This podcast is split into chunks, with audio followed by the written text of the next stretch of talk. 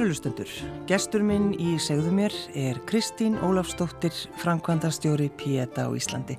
Velkomin í þáttin. Takk fyrir. Hefur áhuga mannréttindum? Já, mjög mikið. Það er áhuga málum mitt. Þetta er svo skemmtilegt að þú sagði, já ég hef áhuga á, á mannréttindum. Já, ég ger það, mm. einlega. Síðan hvenar? Bara sen ég var krakki, veist, mamma segir að ég hef komið heim, sérlega sex ára eitthvað börn eru líka fólk með þiljandi upp hérna mannréttind barnasáttmála saminuð þjóðana og, og við erum svona mjög mikið þú veist ég sapnaði baukana fyrir svöngubörnin í Afriku og, og svo meðskólaurunum fór ég í Amnesty International. Og svona þannig að jú, þetta hefur einhvern veginn alltaf fyllt mér. Já, bara frá því að þú var slítil stúlka. Já, Já. og ég ætla aldrei að börn, heldur bara ætlaði börn. Já. sem engi vildi var það, Þú varst alveg þar? Alveg. Já.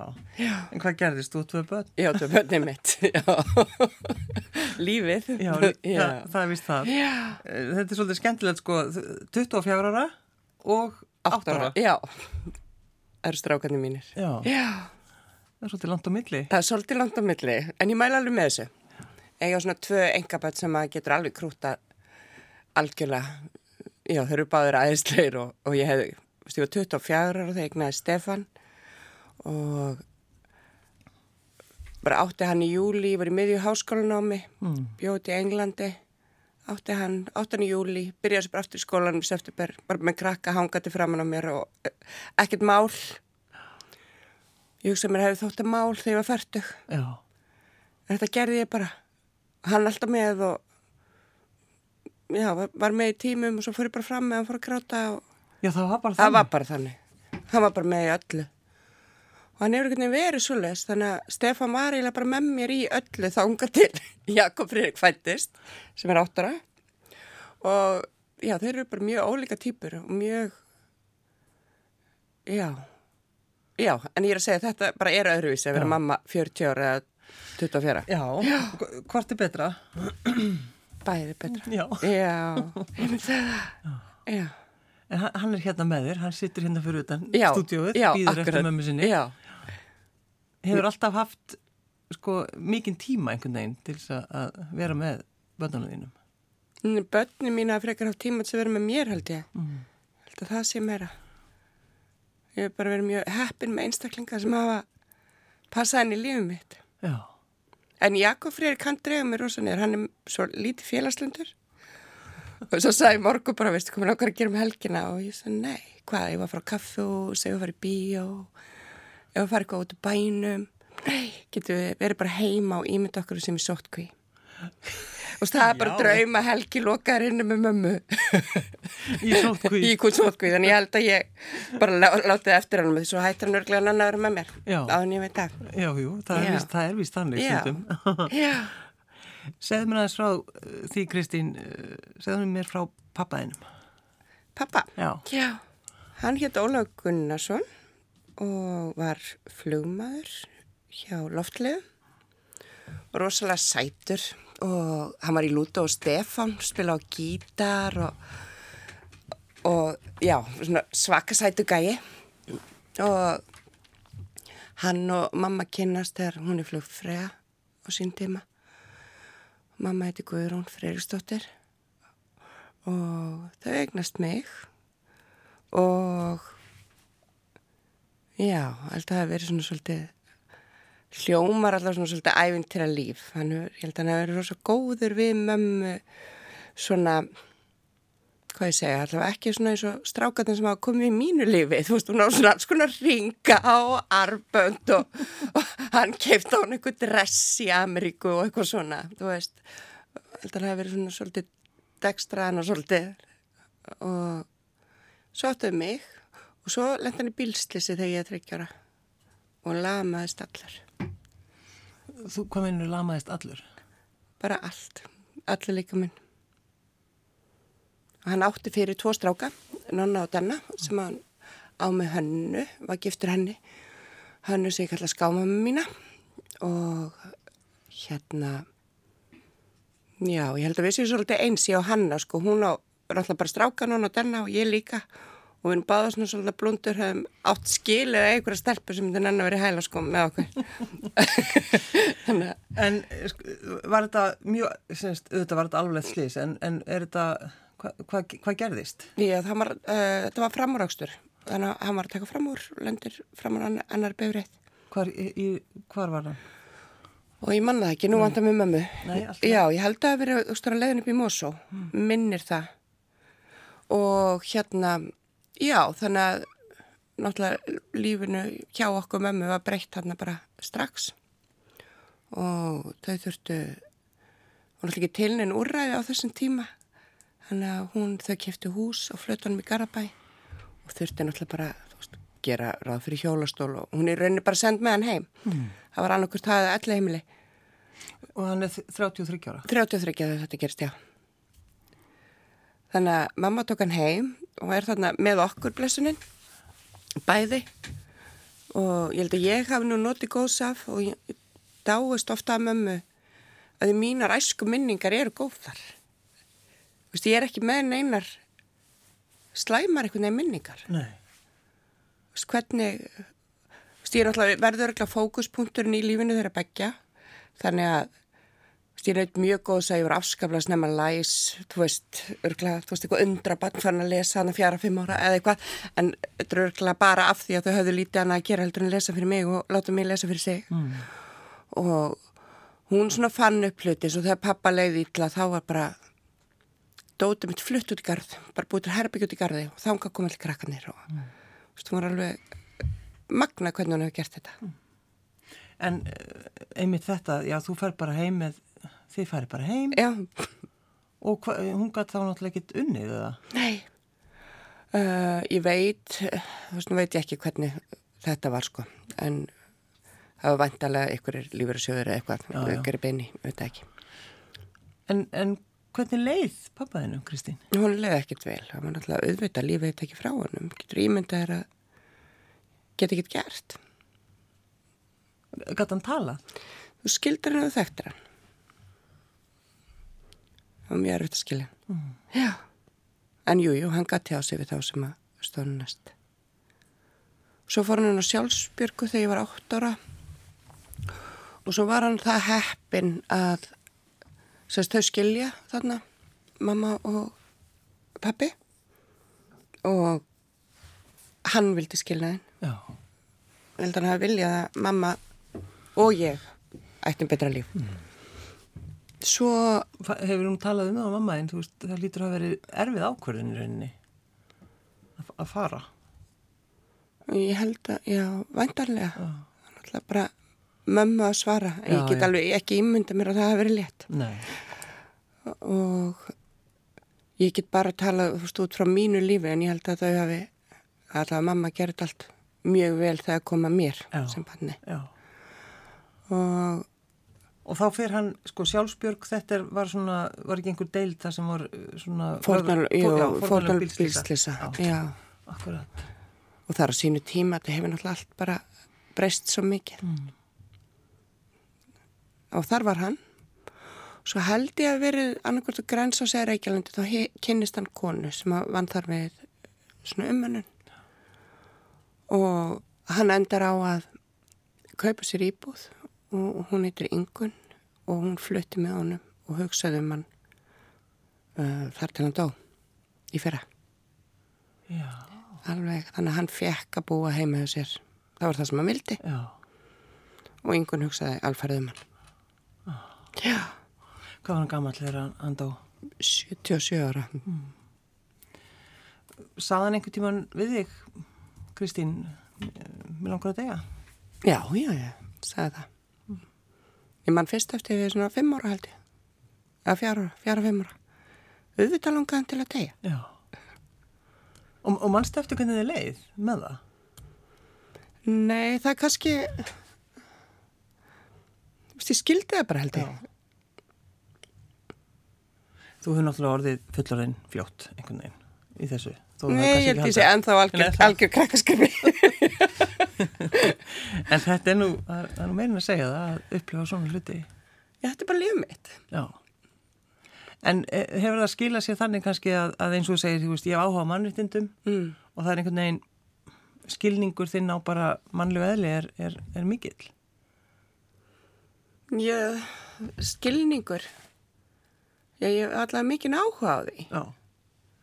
og ég er kannski með svona vist umburðalindi gagvart alls konar Já. og mér finnst mjög gaman að reyna að skilja ímis konar hegðun og, og af hverju við gerum þessa hluti og af hverju við erum eins og við erum. Mm. Það er yfirlega ástæði fyrir öllu, Já. öllum viðbröðum og, og allt sem við gerum og segjum. Það er jú. ástæði fyrir því. Það er vist alveg, það er vist alveg á hreinu.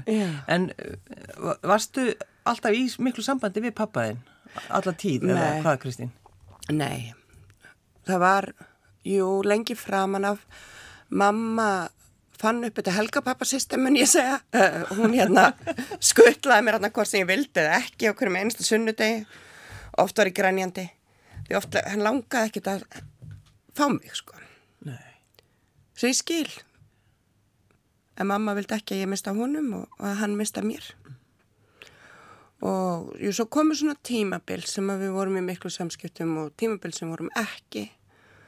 Stundum fannst mér ofsalega erfitt að vera í sambandi við hann. Hvað var það því að, sko, að því að þér leið illa bara að horfa á pappaðinn? Ég bæði svona illa? það og þú veist þegar eitthvað segir þér ofta er vil ekki hitta þig. Nei, já, mitt, það er náttúrulega. Eitthvað tíma verður maður að byrja að trúa því. Já, við taka marka því. Þegar ég tek það marka því núna. Já, Já. þetta var kannski svo leiðis. En svo var það náttúrulega líka, við vissum að það var vel hugsað um hann. Já. En framkvæmda stjóri, Péta, Já. akkur ertu, akkur ertu þar, Kristín? Já, ég eiginlega bara lendi í því eins og svo mörg aður í lífinu mínu. Já, það var sem sagt, hún Elsa Einarsdóttir sem var samstarfskona mín til margra ára í Breska sendiráðinu. Sérst, máur hennar heiti Benedikt Gumsson og reyna stopnundum Pétur samtökun í Íslandi. Og þau voru að leita sér að frangotastjóra og yfir ykkur kaffibotla nefnir hún mig. Þannig að Benni ringir í mig. Þurftur að hugsa þau um? Já, við hittust nokkur sinnum. En vissur þú hvað varst að fara út í? Nei, alls ekki. Ég hafði fylst með svolítið af því að hún Sirri sem að forverið minn sem að í rauninni bjóð til að kom pétt af stað. Uh, hún hérna, við hefum verið svona sam, skásamstarfskonur upp á háskólanum á Bifröst. Mm. Þannig að ég hafði alveg áhuga á að fylgjast með. Veist, erum Facebook-vinkonur og sjá hvað hann var að gera og svona. Þannig ég fannst þetta afskaplega merkilegt verkefni. En þegar maður skoðar, maður fyrir inn á uh, heimasíðin ykkar, Mm þá kemur þessi, uh, þessi spurning, það eru fjórar, sínst eru fjórar spurningar. mm. Það er, hefur áhyggjur af einhverju, einhverjum, hefur skadað sjálfan þig, þarnastu hjálpar tafarlaust, syrgir þú ástvinn, svo kemur síðasta, viltu í alvörunni deyja? Mhm. Þessi spurning náttúrulega er rosaleg. Hún er rosalega. En það er náttúrulega ekkert sem er ekki rosalegt við það að vilja deyja. Mm. Og ég held náttúrulega við sem samfélag, þú veist, ég segi sem betur fyrir, við fann að tala um þetta í staðan fyrir að þakka þessi mál niður. Já, eða þegar maður er að tala um eitthvað og svo kvíslar fólk. Já, einmitt kvíslar. Henda með því að kvísla, sko. Já, og svona þetta, það lítur að hafa verið eitthvað undirliggjandi. Það er upp á, uppáhaldsetningi mín. Já, Uh, það er nú bara þannig að rannsóknir sína að man ekki langt yfir 90% hugsa eitthvað tíman þið viljið degja. Uh, eins og með allar aðrar hugsanir þá er það alvarlegri hjá sum heldur nörum, fyrir sum er það raunveruleikin, fyrir öðrum er það bara hugsanir. Uh, þar geta verið erfiðar, drátt verið það. Og í Pieta getur bara komið og, og tala um þessar hugsanir. Við tölum uh, hvað ég segi ekki frjálslega heldur jú, getum tala frjálslega. Bara á þínu fórsendum um það að vilja deyja eða vilja ekki deyja eða sjálfsvík og allt þetta. En skömmin, bara ef við hugsaum um fjölskyldur, já, að það, hún, það er svona einhvern veginn, við grípum oft í það einhvern veginn, að fjölskyldan skammast sín. Já, ég svo, finnst þetta svo merkild að komið upp af því þetta hefur einhvern veginn ekki komið upp kannski af því þetta er ekki í mínu umhverfi, það er enginn að skamma sín þetta er bara, þetta er staða sem við þurfum að tala um og, og erum að díla við. En þetta er annars skipti núna á tveim dögum sem þetta kemur upp og mér finnst það mjög leiðilegt að heyra. Já, akkurat. af því að veistu, af hverju ámar að skamma sín fyrir það sem er og það sem maður hefur kannski ekki stjórn á en er að reyna að laga eða er að reyna að vinna úr en ert að tala um að fjölskylda skammi sín fyrir það að ykkur innan þeirra fjölskyldu hafi ákveðið eða hafi tekið lífið sitt. Það er náttúrulega afskaplega sorglegt. Já. og algjör óþarfi. Og, og rámt. já, algjör óþarfi. En sko hugsaður stundum um sko þennan grunn í rauninni samtöl þín við, við, við pappaðinn. Að því þú, þetta er sko eitthvað sem hefur bergmálaðið þín æsku að, að hann vildi deyja. Einhvern veginn þannig að þú ert bara svona einhvern veginn og hikar ekki við að taka þessa umræðu. Ég veit það ekki. Kannski er þetta bara að mér er ekkert mannlegt óviðkomandi og ég er alveg til að tala um allt. það getur verið það líka. Já. En mér finnst ekki erfitt að tala um þetta. En hvernig eru þessi samtök? Þetta er semst, ég, ég, þegar ég fór að skoða þetta, ég held að þetta væri sko búið að vera í 100 ár. Já. Þetta, þetta er frá 2018. Ég opnaði í april 2018.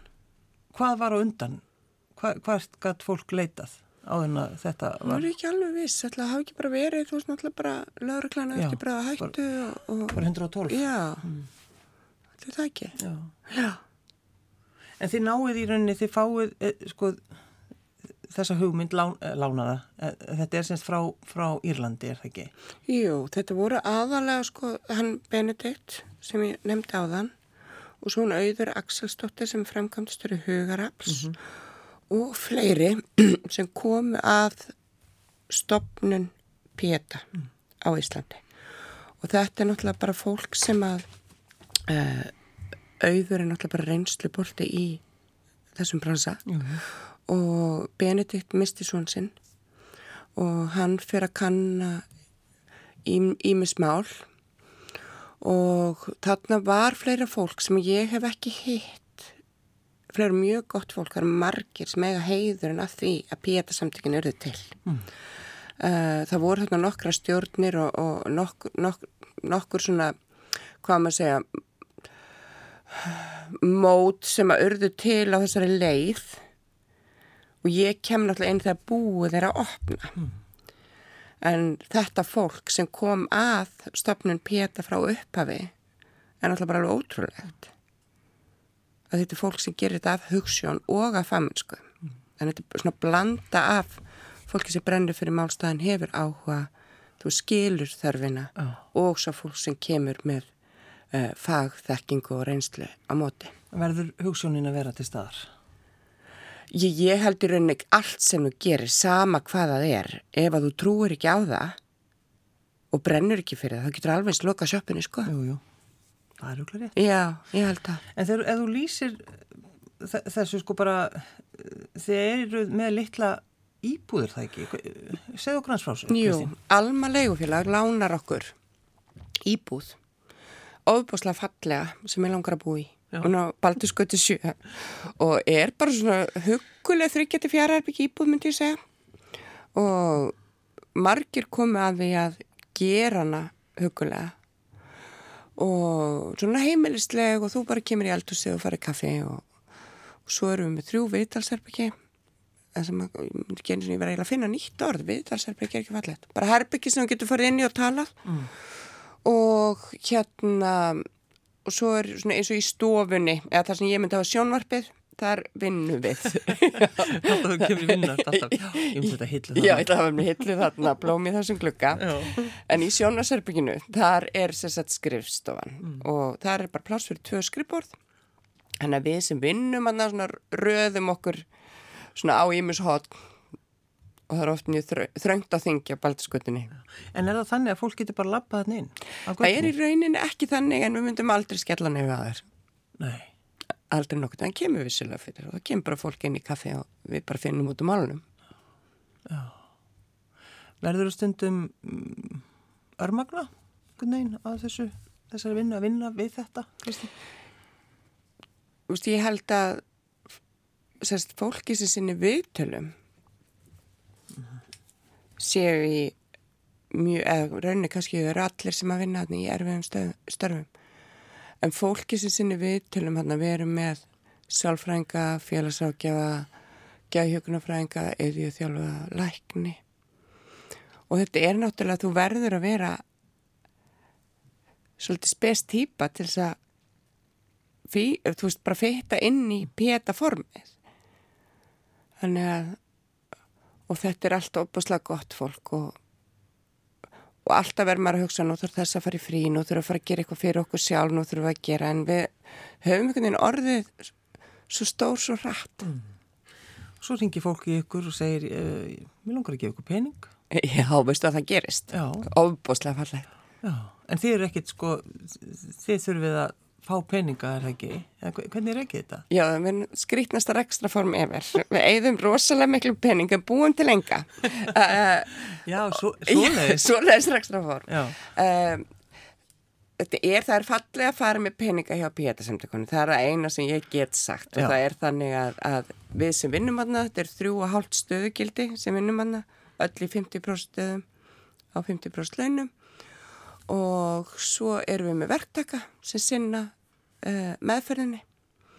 Þau rukka minna heldur en þau gera á stofum. Mm. þannig að allir er að leggja setja mörgum en styrtar samfélagið er jú okkar grunnur.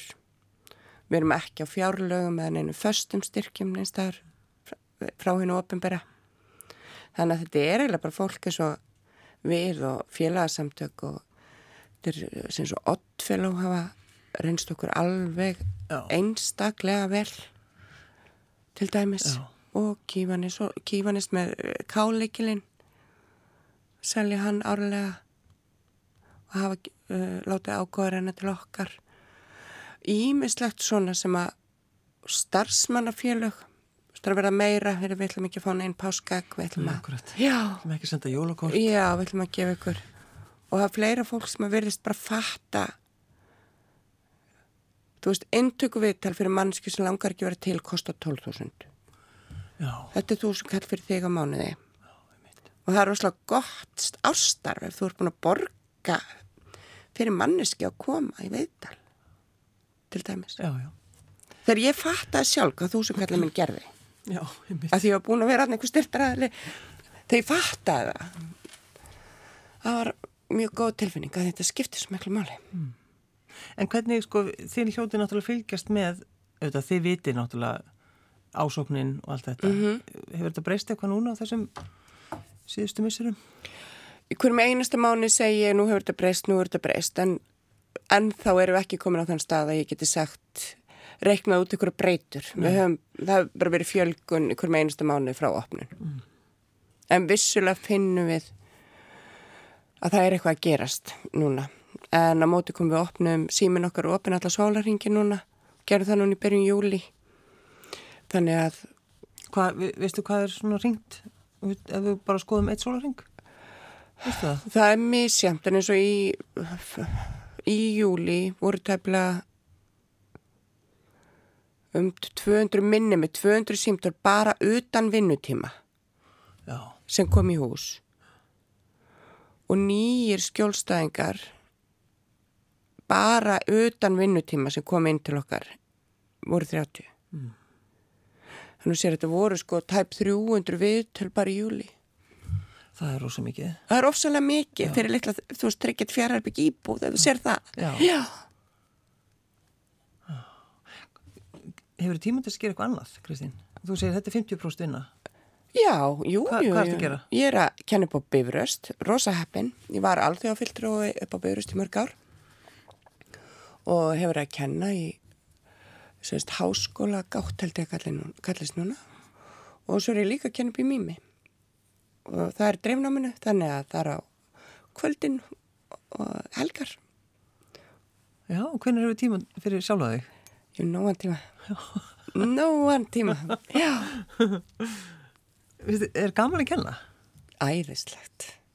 En var, var það alltaf planið hjá þér að, að fara út í kennslu? Nei, en ég er svona einhvern veginn sjanghæjaðist inn í það einhvern veginn. Þetta byrjaði 2006 minni mig. Þá fekk, var Bryndi Slöðvestóttir fósetti lagadildar háskólas og byrjast. Fekk minnst að kenna laga ennsku. Ennsku fyrir lagfræðinga. Og þá fór ég bara upp yfir einn dag í viku. Þá var ég að vinna í Breska sendiræðinu. Það var rosa gaman. Og svo út frá því þá bauðan Runolfur Ákusson sem var þá rektor sagði bara hei, þú verður eiginlega bara að vera hérna. Já. og bauð mér starf sem alþjóðvöldrúi og það var rosalega gaman. Hva, hvað þýði það að vera alþjóðfulltrúi? þá sá ég með svona skipti nám og búið til alþjóðlega samninga og skipti kennara og allt þetta. Það var rosalega gaman. Já. Mikilvægt fyrir það að vera í kringum fólk. já, vá, mjög mikið ef að helgi ein með krakkanum lokuð inn í, ég myndi sótkví Þú voru að hitta fólk á, á, aðra daga vikunar. Já. En, en að því hún nefndi breska sendiræði, hvað varst að gera þar? ég var upplýsingavöldrúi Í mörg ár? Já, ég, ég held, mér minn ætti ekki verið svona 4, 5, 6 ári eitthvað svona. Já. Já. Og hvað, ég segi upplýsa hvað? Já, nákvæmlega. Þetta var svona það? fjölmiðla fulltrúi og, og sáum svona, þú veist, vann bara að alls konar málu með senderanum og svo verið náttúrulega svo heppin, akkurat það var verið að vinna í barnasáttmála saminu þjóðan aftur. Já, Þannig- það er frá því varst fimm ára. Já, frá ég var fimm ára gæti byrja aftur að vinna í því og sendiherran sem var þá hér John Culver og okkur var mjög vel til vinna. Þannig að áður hann fór þá gaf hann mér launalist leifi og sendi mig í mastersnám í mannréttindalögfræði. Þannig að ég fór í það, pakkaði steppa mínum niður og við heldum til Englands. Þannig að þú lærði það, þú ert, ertu þá sérst, mannréttinda lögfræðingur. Já, Þetta er rosalega titill. ég, ég nota hann voðalega lítið. Já, en samt einhvern veginn, eh, maður er ekki að hissa á því að því þú nefndir þetta, Kristín, að þú hefur áhuga á mannréttindum. Já, ég ger það. Já, þannig að þetta var kannski lókist og var, var gaman að pakka niður og, og læra þetta. Nei, þetta var ekkert skemmlega þannig. Þetta er hefðilegilegt nám. Já, þetta var eiginlega hundlegilegt nám.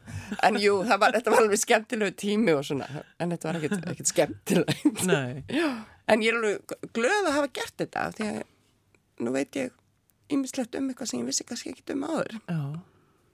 Hefur alltaf átt öðvöld með að læra? Allt um starffræði, já. Já. En ég held ég að bara einhvern veginn ákveða með stún leðileg. En jú, ég hef yfirlt átt mjög öðvöld með ná. Sem byttur fyrir. En að því að því þú nefndir sko ennskunum, þú ert að kenna ennsku, Mm. ertu þá, fórstu að læra ennsku? Nei, ég sem sagt, þegar ég kláraði stúdendin þá fór ég að ferðast með vinkonum mínum og svo var ég skotin í strák og var eftir í Luxemburg með honum. Hann var frá, er, er frá Nýjasjáldi og endaði á að giftast honum. Og við byggum í Englandi og þar lærði ég viðskriðfræði og vegnuð Stefán saman og allt þetta. Og svo við flyttum heim þá svona framhaldinu fer ég að vinna í breska sendiræðinu og svo tók ég svona ennsku kennari réttindi. Þannig að þú fer með vinkonu þínum, við erum að stoppa eins við hér, Já, að ferðast Já. og sá bara bankar ástun upp á. ég eiginlega ekki, mér langaði bara ekkert heim, þannig ég, ég var ekkert skotin í honum strax. já, Já, þú ert að læra að elska. hann. já, eiginlega, já, svolítið. Já, Já, ertu í sambandi við hann í dag? hann er alltaf pappa Stefáns. Já, akkurat. En hann býr í Nýjasjáldi. Já. Já, voru vinkonu þeirra spældar þegar þú varst eftir? Nei, þetta var náttúrulega á þeim tíma sem að við fengum enga vinna því við vorum ólöflegt vinnaafl. Já, einmitt. Já, þannig að ég tróð mér ykkur að barvinnur hérna og, og þurfti svolítið að fela mig ef að löggan kom og allt þetta. Nú var það? Já, já, já. Máttum ekkert vinna í árið 91 máttum við ekkert vinna í útlöndum. Nei. En þú semst uh, Kristín Ólusdóttir að vinna á bar og var sett í félur þegar löggan mætti á svæðið. Akkurat, já. Já, fannst þið gaman að vinna á breskum bar? Þetta var æðislegt. Var í Luxemburg, sko. Já, Luxemborg. Já, Já, en það var breskobar. Jú, þetta var rosalega skemmtileg tími. Og svo við okkur mótjól og fórum að mótjólum alla Európu, bara með tjald. Og komum svo heim og verðum fullorðin. Já. Já, má heila segja það. Og síðan hefur ekki losnað við það. Nákvæmlega, Alveg, já, sko. það, svo, síðan hefur það fyllt mér. Og hvað fóruð þið niður alla Evrópu? Já, já. Og rosalega skemmtilega tími. Verður maður nokkuð frjálsari? Nei, nei. En eins og ég segi, ég bara er mjög heppin með líf. En, en þú varst alveg sko, ákveðin í því að ekki koma heim. Þú vildir fara. Þú Já. Vildir, Mamma segir að ég hef fæðist í vittlusum landi, sko. Ég var strax, þegar ég var lítil, ég var bara brjálu í alltaf ameríst og elskaði þegar Lalla frænka sýstras pappa sendi mig frá Ameríku bara svona keep away from fire dresses, Já. þú veist bara hárið, geðveikt ramagnað bara passið ykra eldin, batnið er að koma. Þú veist, allt gerfi efni bleikt og eitthvað svona, já hún sagði alltaf að ég fæst í vittlusum landi Já. Þannig að þegar ég er bara 14 ára þá kemur hún mér til Englands að vinna í Fish and Chips búð í ykkur smá þorpi bara að læra ennsku og bara vissi alltaf að ég þyrta að komast til útlanda. Og fórst að vinna á, Fish and Chips búð. Já. Þetta er alveg stórkostlegt. Og þú lítir nú að hafa, sko, þegar maður er 14 ára, Já. fer í svoleiðis vinnu, Já. að bara, sko, kynnast fólki og kynnast því bara hvernig maður á að Já, við fólk. ferðust við líka öðruvísi þá. Þú veist, það var ekki að komi bara allir að skoða stelpunum frá Íslandi. Já. Þú veist, bara vá, vá, hún er útlensk. Þú veist. Og var fiskur, þá spyr ég náttúrulega því, var fiskurinn góður í þessari búð? ég bor ekki fisk. Nei. Það var aldrei bara fisk. Já, Kristín Ólafsdóttir, Frankvandastjóri Píet á Íslandi. Takk fyrir að koma. Takk fyrir að bjóða mér.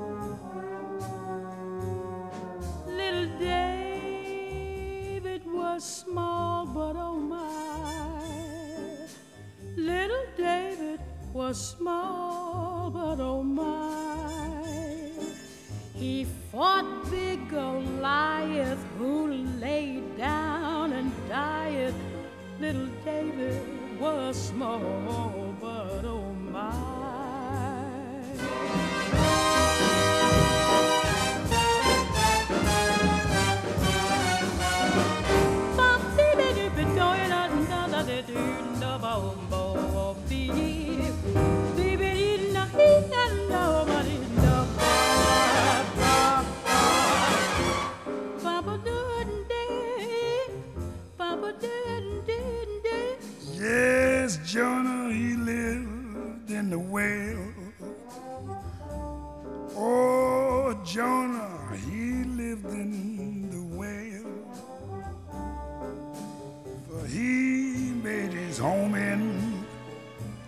fish abdomen.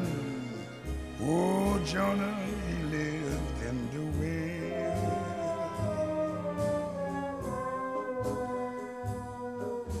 Little Moses was found in the stream. Little Moses was found in the stream. He floated on water till old Pharaoh's daughter, she fished him, she says, from that stream.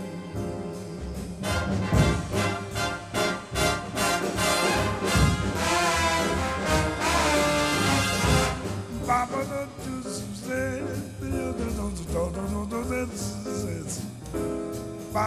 It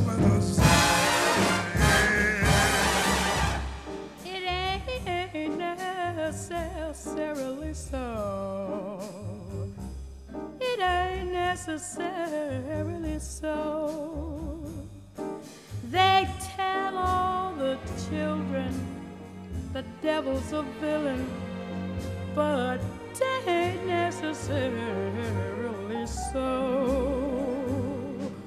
To get into heaven, don't snap for a seven. Live clean, don't have no fault. Oh, I take that gospel whenever it's possible, but with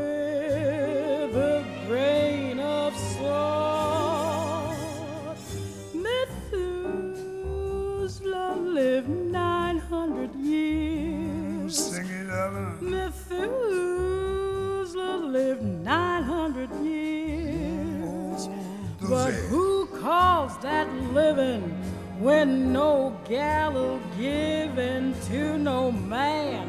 What's 900